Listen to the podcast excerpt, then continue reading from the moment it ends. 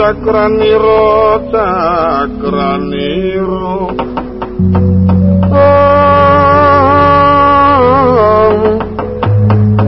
Kumitirane ngasto ane ngasto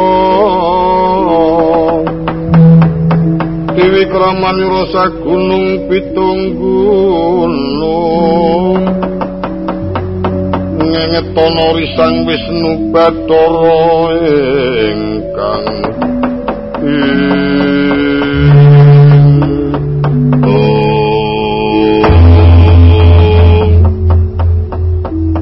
nyadung dawuh wa Prabu ingkang putra Pringgondani ingkang putra jangkar bumi nyadung dawuh. Arjuna. Kula koko Prabu. Putramu Gatut Kaca Antarja padha nyadung dawuh. Mugi Koko Prabu kersa paring keterangan ingkang langkung cetha Nggih Gatut Kaca Antarja Kulawa Kulawa Sakjroné ana pasuwanan pepundhenmu Yai Samyaji ngrembug anggone mulyake pertanding giri sarangan dimulyake esuk sore rusak dimulyake sore esuk rusak. Bareng tak teliti ngesak nyatani jebul ingkang bisa murwani kerusakan iku mau. Kakang Semar Badranaya ora tau sebo caos agi wae bakal ditimbali marang pamanmu Dimas Janaka Wusana Petruk sowan. Ingkang isine kono Petruk bakal mboyong para pepundhenmu ngamarta jalaran. Kaki Semar bakal bangun kayangan.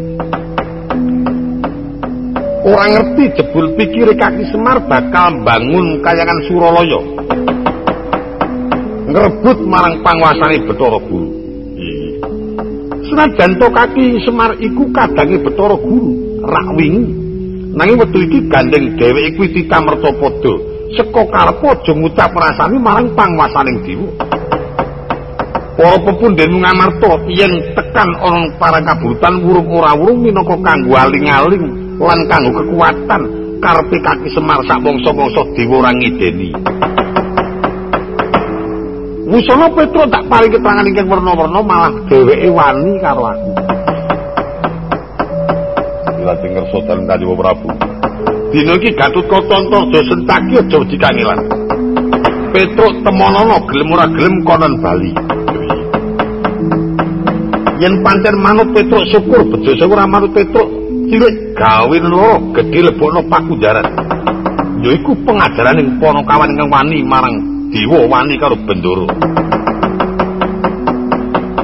Pangestunipun Kanjeng Prabu, nyuwun pangestunipun Prabu, senajan ingkang layun pangestu Koko Prabu.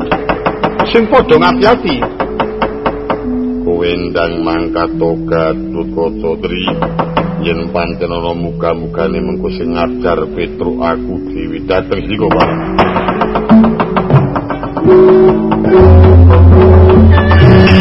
kawan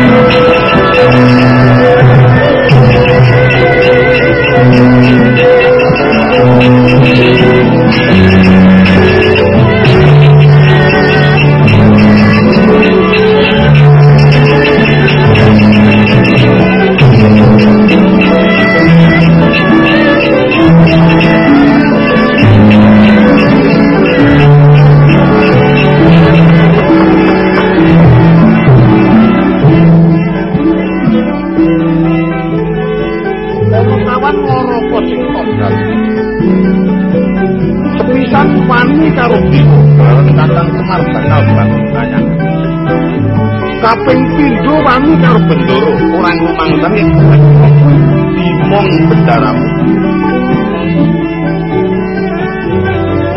Ojo takon bisa Petro. Bisa kelakon kuwi nampa pidana saka negara Ngamarta. Ingkang ditindakake marang putra-putra.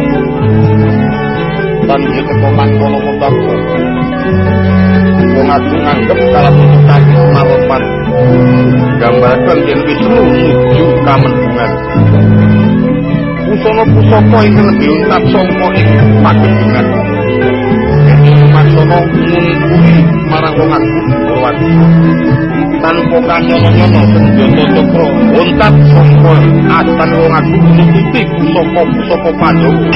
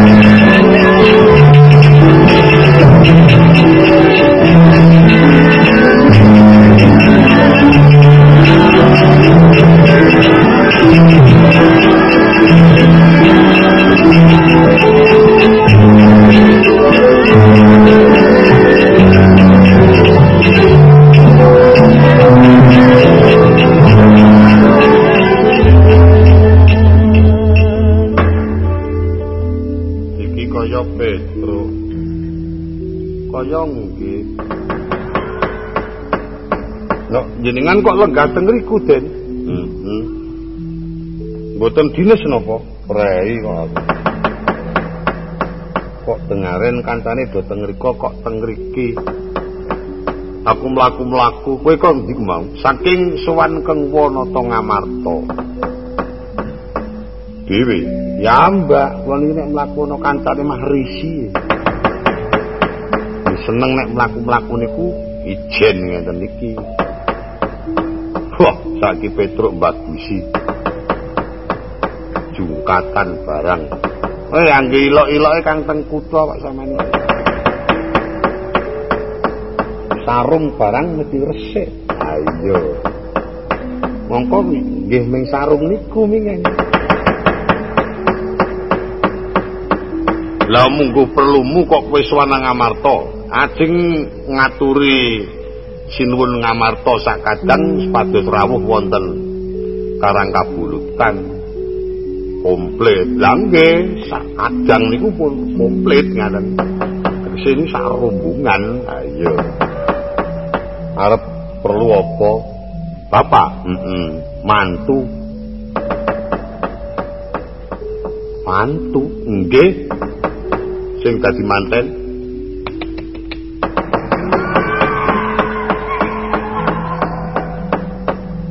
sapa dereng pados Angge niki flore wangi pados ngeten iki. Kowe iki wong ndek bojo kok ya. Wah, lah sampean iku ora ngrasake to bojo niku kula nipun pirang-pirang taun niku ora duwe anak. Monggo kula niki ndelokke bojo kula kok sebah. Ngelmu kok ngono kok dinggu maune kepiye? Menek ketoke niku maune niku ayu kok jebul sesuwe kok saya elek saya elek. Anek kat duwe turun niku tegese niku ana sing dimpi-impi anake calon tak gawe gendulan nyawaku ah mboten di anak ulang-ulang bendina ming karo kambil mawon. Bakul kambil nggih pripun nyaman iku Iya ini pikiran itu malah kena alangan, kena penyokro bawa. Ampun aku lore wangi nunjang palang tahan polisi. Mulane aja cok senanangan. Kula munggu kersane kaki kok arep bangun kayangan ki sing dibangun kayangan ngendi? Mumpun ngerti niku kula. Lah kowe iki dikongkon iki kepiye kok mindon gawene? Kowe sampean ampun maidu, kula niki mau tangi turu. Petro kowe mangkato nang amato daramu aturna tindak mrene. Mongko nggih mengakon tok, wis ana mangkato kono. Sangu nggih boten. Malah nek gelem kula kan sangu pitik niku ngampirke teng peken bareng kula tandak pitik jane monten ajeng kula dol sak payu-payune bulane tak tangga kula. Saya kepeksa mboten sida. Jan tetep ngeten iki ajeng kok bagusi nika sae nggih gepeng ngeten iki mboten. Panjen mboten mikir kok ketua kula. ketuamu ayo Semar ni pancen mboten dipikiran kok. Dek ngono luwes sang nang ndi kekintal-kintil karo simbok lah kula niki. Ijen wae. Monggo dhewe ajeng seneng-seneng gelas cukup. Ajeng pripun? Slendro pelok. Bare kaya kula niki slendro cok pun peyok-peyok e gamelange. Gamelange peyok tabuhe pun bubrar. Wong kok sing dipikir kok mung sing ora-ora. Tak kandhani. Sing perlune aku wae kepengin ngerti marang lair batine Kaki Semar kok dadi ngucapake bangun kayangan kuwi. Kaki Semar kuwi wingi-wingi karo saiki apa ana bedane apa ora? Mengko nek pancen kuwi iso ngandhake tak gambarke mesti cocok karo karepe kaki semar. Watake bapak heeh oh pancen wonten. Wonten bidane wingi niku dek wingi niku nek dek dereng badhe kagungan kersa niki niku anggar metu jedul tembangan mesti kutut manggung ngundang anak-anake. Ning pun nonton cak jrone sesasi niki bapak niku meneng mawon angger-angger niku menteng juwon sentong kali celumak-celumik. Mongko sing tok disanding adimu ndara kula Abimanyu. Sing tok dijak omong-omongan lirih. Nggih lek kula gumun niku ngoten niku. Mongko mboten tahu mangan meniku mboten tahu arang-arang kok sedina mangan pisan niku teneh kerep. Mboten tahu mangan sak upo menteng omah mboten tahu bapak nggih ning jajan mawon malah borosi nengriku niku bedane sing ping pindune wonten beda malih. Kiyane semar kaya dene idu geni sak niki ora kok jucuh bul niku mboten. Tegese idu geni niku ana wong lara tambani mari.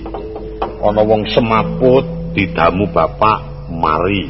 Wong lempoh ra iso mlaku pirang-pirang taun didamu bapak mari. We lumayan. Nggih pancen nggih. Nek bapak dong perlu wonten wong lara nggih sing damu nggih kula. Yo mari mati e mas. Ora genah. Tak kandhani aku saiki iso ngerti karepe bapakmu nek pancen wis ana kedadian kaya ngono keterangan bapakmu dino iki ora baen-baen. Kena tak paribasake kompol isi madu, memper, memper. Lho kok memper? Jalaran wingi dirubung semut. Ora kok njur madu sing legi iki ora. Toto laire bapakmu ning batin-batine sejatine Oh, ngoten nggih. Mula aja tok waneni, wiwit iki bapakmu aja tok waneni. Getak ora kena apa meneng nganti kowe mara tangan bapakmu mesti malati. Jalaran karpe bapakmu kuwi hmm, tumrap karo pepundenku Pandhawa. Tumuju marang para kawula sire bakal gawe hmm. Oh, angge, nggih pancen bola-bali pun wonten buktine pancen nggih cok ngoten niku. Ngopo? Ya mbuh. Langge-langge mau karang sak dong krungu sak dong ora. Kuping kula niki sing ngriki niki rak pun rada budek. Sing sitok malah babar pisan ora krungu e. Niki rak pun lo ganti kuping ember. Nek ngaten kiyane Semar iku jane sakniki niki tumraping lair bapak ning batin gedhe panguasaan lha iya. Mula bener para pepundhen kuwi ora bakal dibangun kayangan iki perlu bakal bangun marang rasane pepundhenku Pandhawa. Lha niki wae kang ana Tandrawati ngendikane malah sing ora-ora. Duka niki wae kalih kula. kula dinekke bau 17 gedibal lolo ngoten barada srik kula ning senajan srik nggih mboten dadi napa wong nika pancen biyen nggih mung-mungan kula kok ning boyo yuwa kuwi ngerti yo karo bebukane. Biyen gek cilik dengklek-engklek. Njaluk kerupuk nangis-nangis tak rewangi tombok. Kok bareng dadi ratu kok kali kula yo ming ketipal pitu rada lara ati kula. Nek kalingan jaman biyen kula pancen njur tekani sepriki niku ana tembung ngoten niku njur wah hmm pikir kula rada mak gedeg ngono orang ngelingi karo biyen-biyen ngono lho ya kowe wae sing kudune duwe ati segoro. Oh nggih, dan ati segoro ususe prau. Mungkin omong malah selemongan ya tak rasake ana usus kok prau kira. Wis saking ngene, Truk. Kowe nek gugu aku toto-toto Bali. Bali kepripun kok iki nunggu ngendikane Kang kok? Iki siwa wis rawuh ana karang kaburutan. Kowe iki engko ora cepet Bali, loro awakmu. Sampeyan niku pripun niku? Haluput kula napa niki? Wa Prabu Bathara Tresna muring temenan. Mongko sing didhawuhi Kakang Gatotkaca, Kakang Antarja, Pak Cilik Sencaki kon mentung kowe. Lho malah nangis. Wong ora dosa ya dipencungi. Meneng. Tane duit endi? Oh. Wong nanging guyeng ana wong mi duit ya mak geragap. Panjen duit niku iso nambani sak liring pasusan. Ya niku kena dienggo gawe tujuan apa mawon teng duit. Panjen luwes kok. Mula mboten dene duit kesuk niki wae rada mangkel. Nek ulara ngepit ngoten lah ngepit e.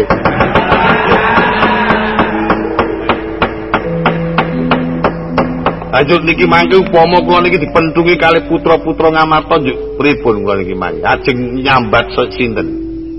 Wis kowe aja kuwatir. Nek pancen kowe tunggu keterangan iki bakal ana keterangan ning ora sekawa Prabu. Ingin bakal paling keterangan karo kowe mengko kowe weruh dhewe, ngerti dhewe. Nggih. ning iki genah nek Kakang Gatotkaca Kakang Antarja Pak Kilik Sencaki duar goleki kowe mentungi kowe. Senajan kowe mengko dandam karo Kakang Gatotkaca lan Kakang Antarja aja kuwatir. Aku sing arep belani kowe. Lah rak ngene.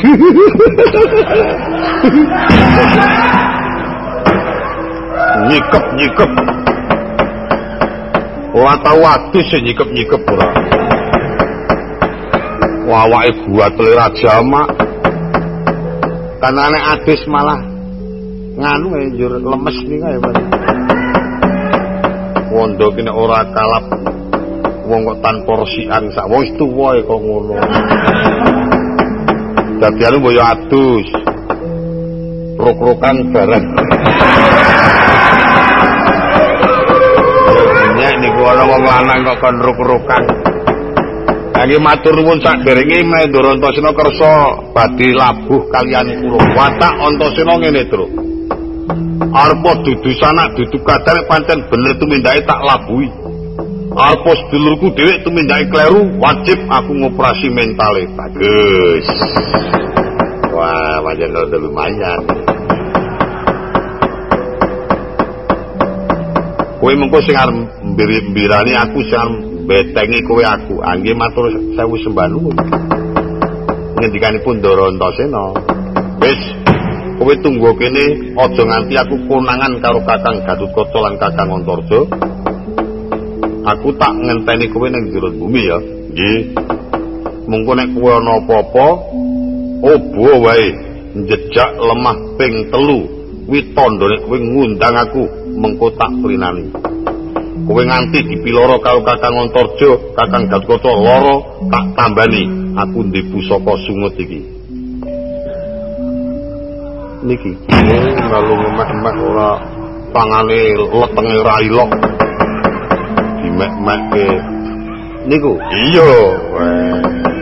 Niku kena nggo nambani wong loro iso mari mbok aja meneh ming loro kowe mati tak tambani waras wah marem kuwi lho dan seneng upama kula mangke pentuki krasa lara tambani mari mari nek kula mati tak tambani urip nah nek ngelih oh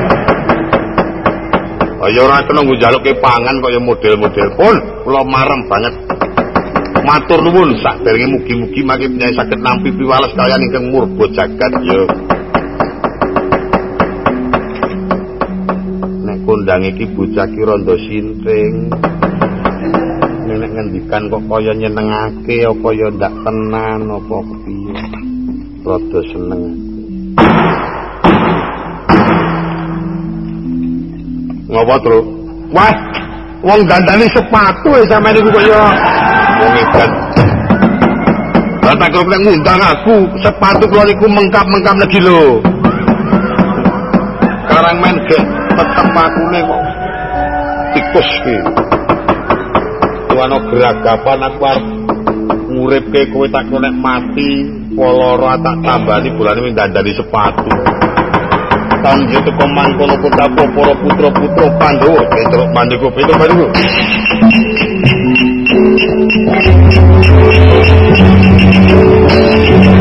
diri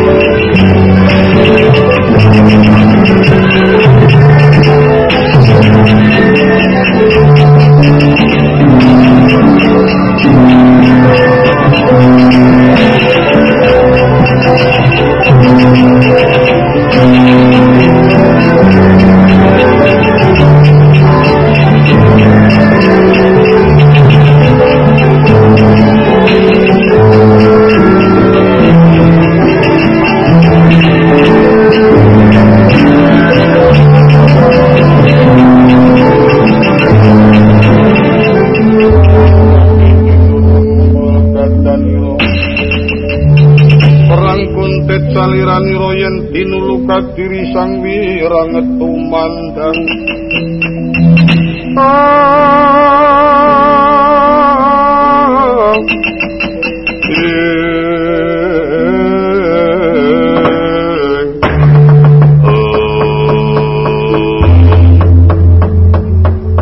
ngaturaken pangabekti kula Den iya Petrus tak trimo kowe bekti karo aku. Iki sawise aja kaget aku merpeki karo kowe. Matur nuwun. Aku ngemban dawuh sangka pepunden ku ngamarta. Wektu iki petruk didawi bali ana karang kabulutan. Ingin mangsuti koko prabu sak kadang ora bakal rawuh ana karang kabulutan matur ana ngersane kaki semar Taman tunggale sinuwun Dorawati wau ing ngendikan agek neraka mon mboten kula tampa menapa malih sampeyan? Yen dereng cetha nampi keterangan saking Ndoro Prabu Puntadewa medhakipun Ndoro Sena Ndoro Janaka napa Ndoro Kembar kula mboten ajeng lunga-lunga. Naming putra-putra mon umure niku sak ngisor kula adoh bisa kelakon niku nek duwe tingkang atene mergo saka kena pengaruh lan saka wedi-wedine. Kalian Kang Raka Nata Ndorowati gandeng roko kalian kuwi kebacut sengit. Ngaten menika ora ora mukal, kula piyambak tak akoni sengit ya gelem. Angger kula menika ora nyata-nyata luput. Mengkae kowe gelem bali ora? Nek panten gelem bali mangkat ora gelem bali ditakon dosa aku dipercaya nyigar siramu. Ajeng mang sigar. Yo. Sing napa? Arep tak mateni. Oh, sampean jeng mateni kula. Oh, gampang. Kula anggap sampean iku ya kemendel kan. Senajan kula ming kawan, ning kula percaya nyawa niku dudu dake sapa-sapa. Sing duwe nyawa kula niku sing gawe urip. Arpo digedhong lawange sapi itu nek pancen pinesti mati nyawa niku nek lunga ora tau lapur. Terus leleng ngoten mawon. Ning ajeng dikeroyok gegaman pancen. Dasare dewa sik maringi panjang yuswa ana mergo gampang. Dadi kula iki nek jabani tak pateni ngoten kula anggap dudu napa-napa. Tenan niku ampun tuwa wis tutup umure. Nek pandenge wani karo aku muni wani ngadeg kok anggapen aku mungsuhmu aja kowe nganggep yen aku bendaramu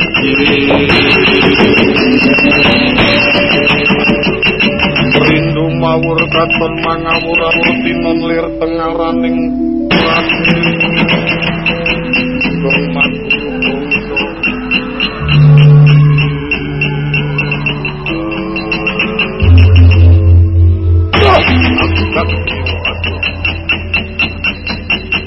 Sentaki kowe sentaki. Karo sedulur tuwa kowe mengkono karepmu. Ora ngerti kira kamu Mandura Prabu Baladewa. Baladewa kok kaya slontrot kok.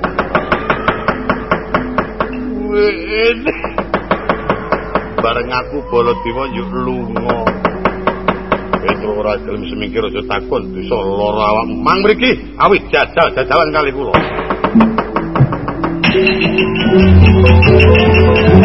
Santo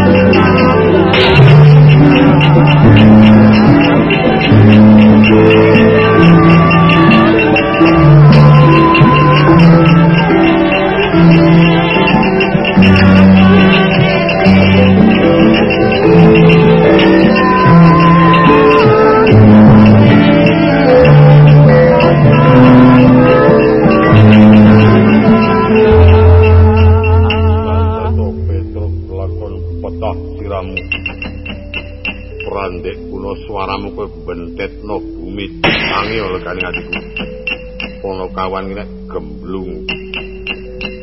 Arep mati kok watune singkirke dhisik. Karang nggo mati ganjel e. Dene iki muruh mayit resik-resik wedi. Wah, pancen asane Ndoro Sentak iki jan rada lumayan. Nek sejene sirahku ngono tempiling ya rada pet-petan. Gandeng sirahku kuwi sirah tuwa ya tak anggap biasa. Kowe iso tangi Petrus saged ora loro tak antem. Ketoke nggih boten. Malah matur nuwun rada enteng lek mumete. Nek pancen kowe pangga mrene tibantan kaping pindho kas makro sigar siramu. Nggih, ampun takon desa agar kecekel wae kena tandak ilang slepenmu. Thank you.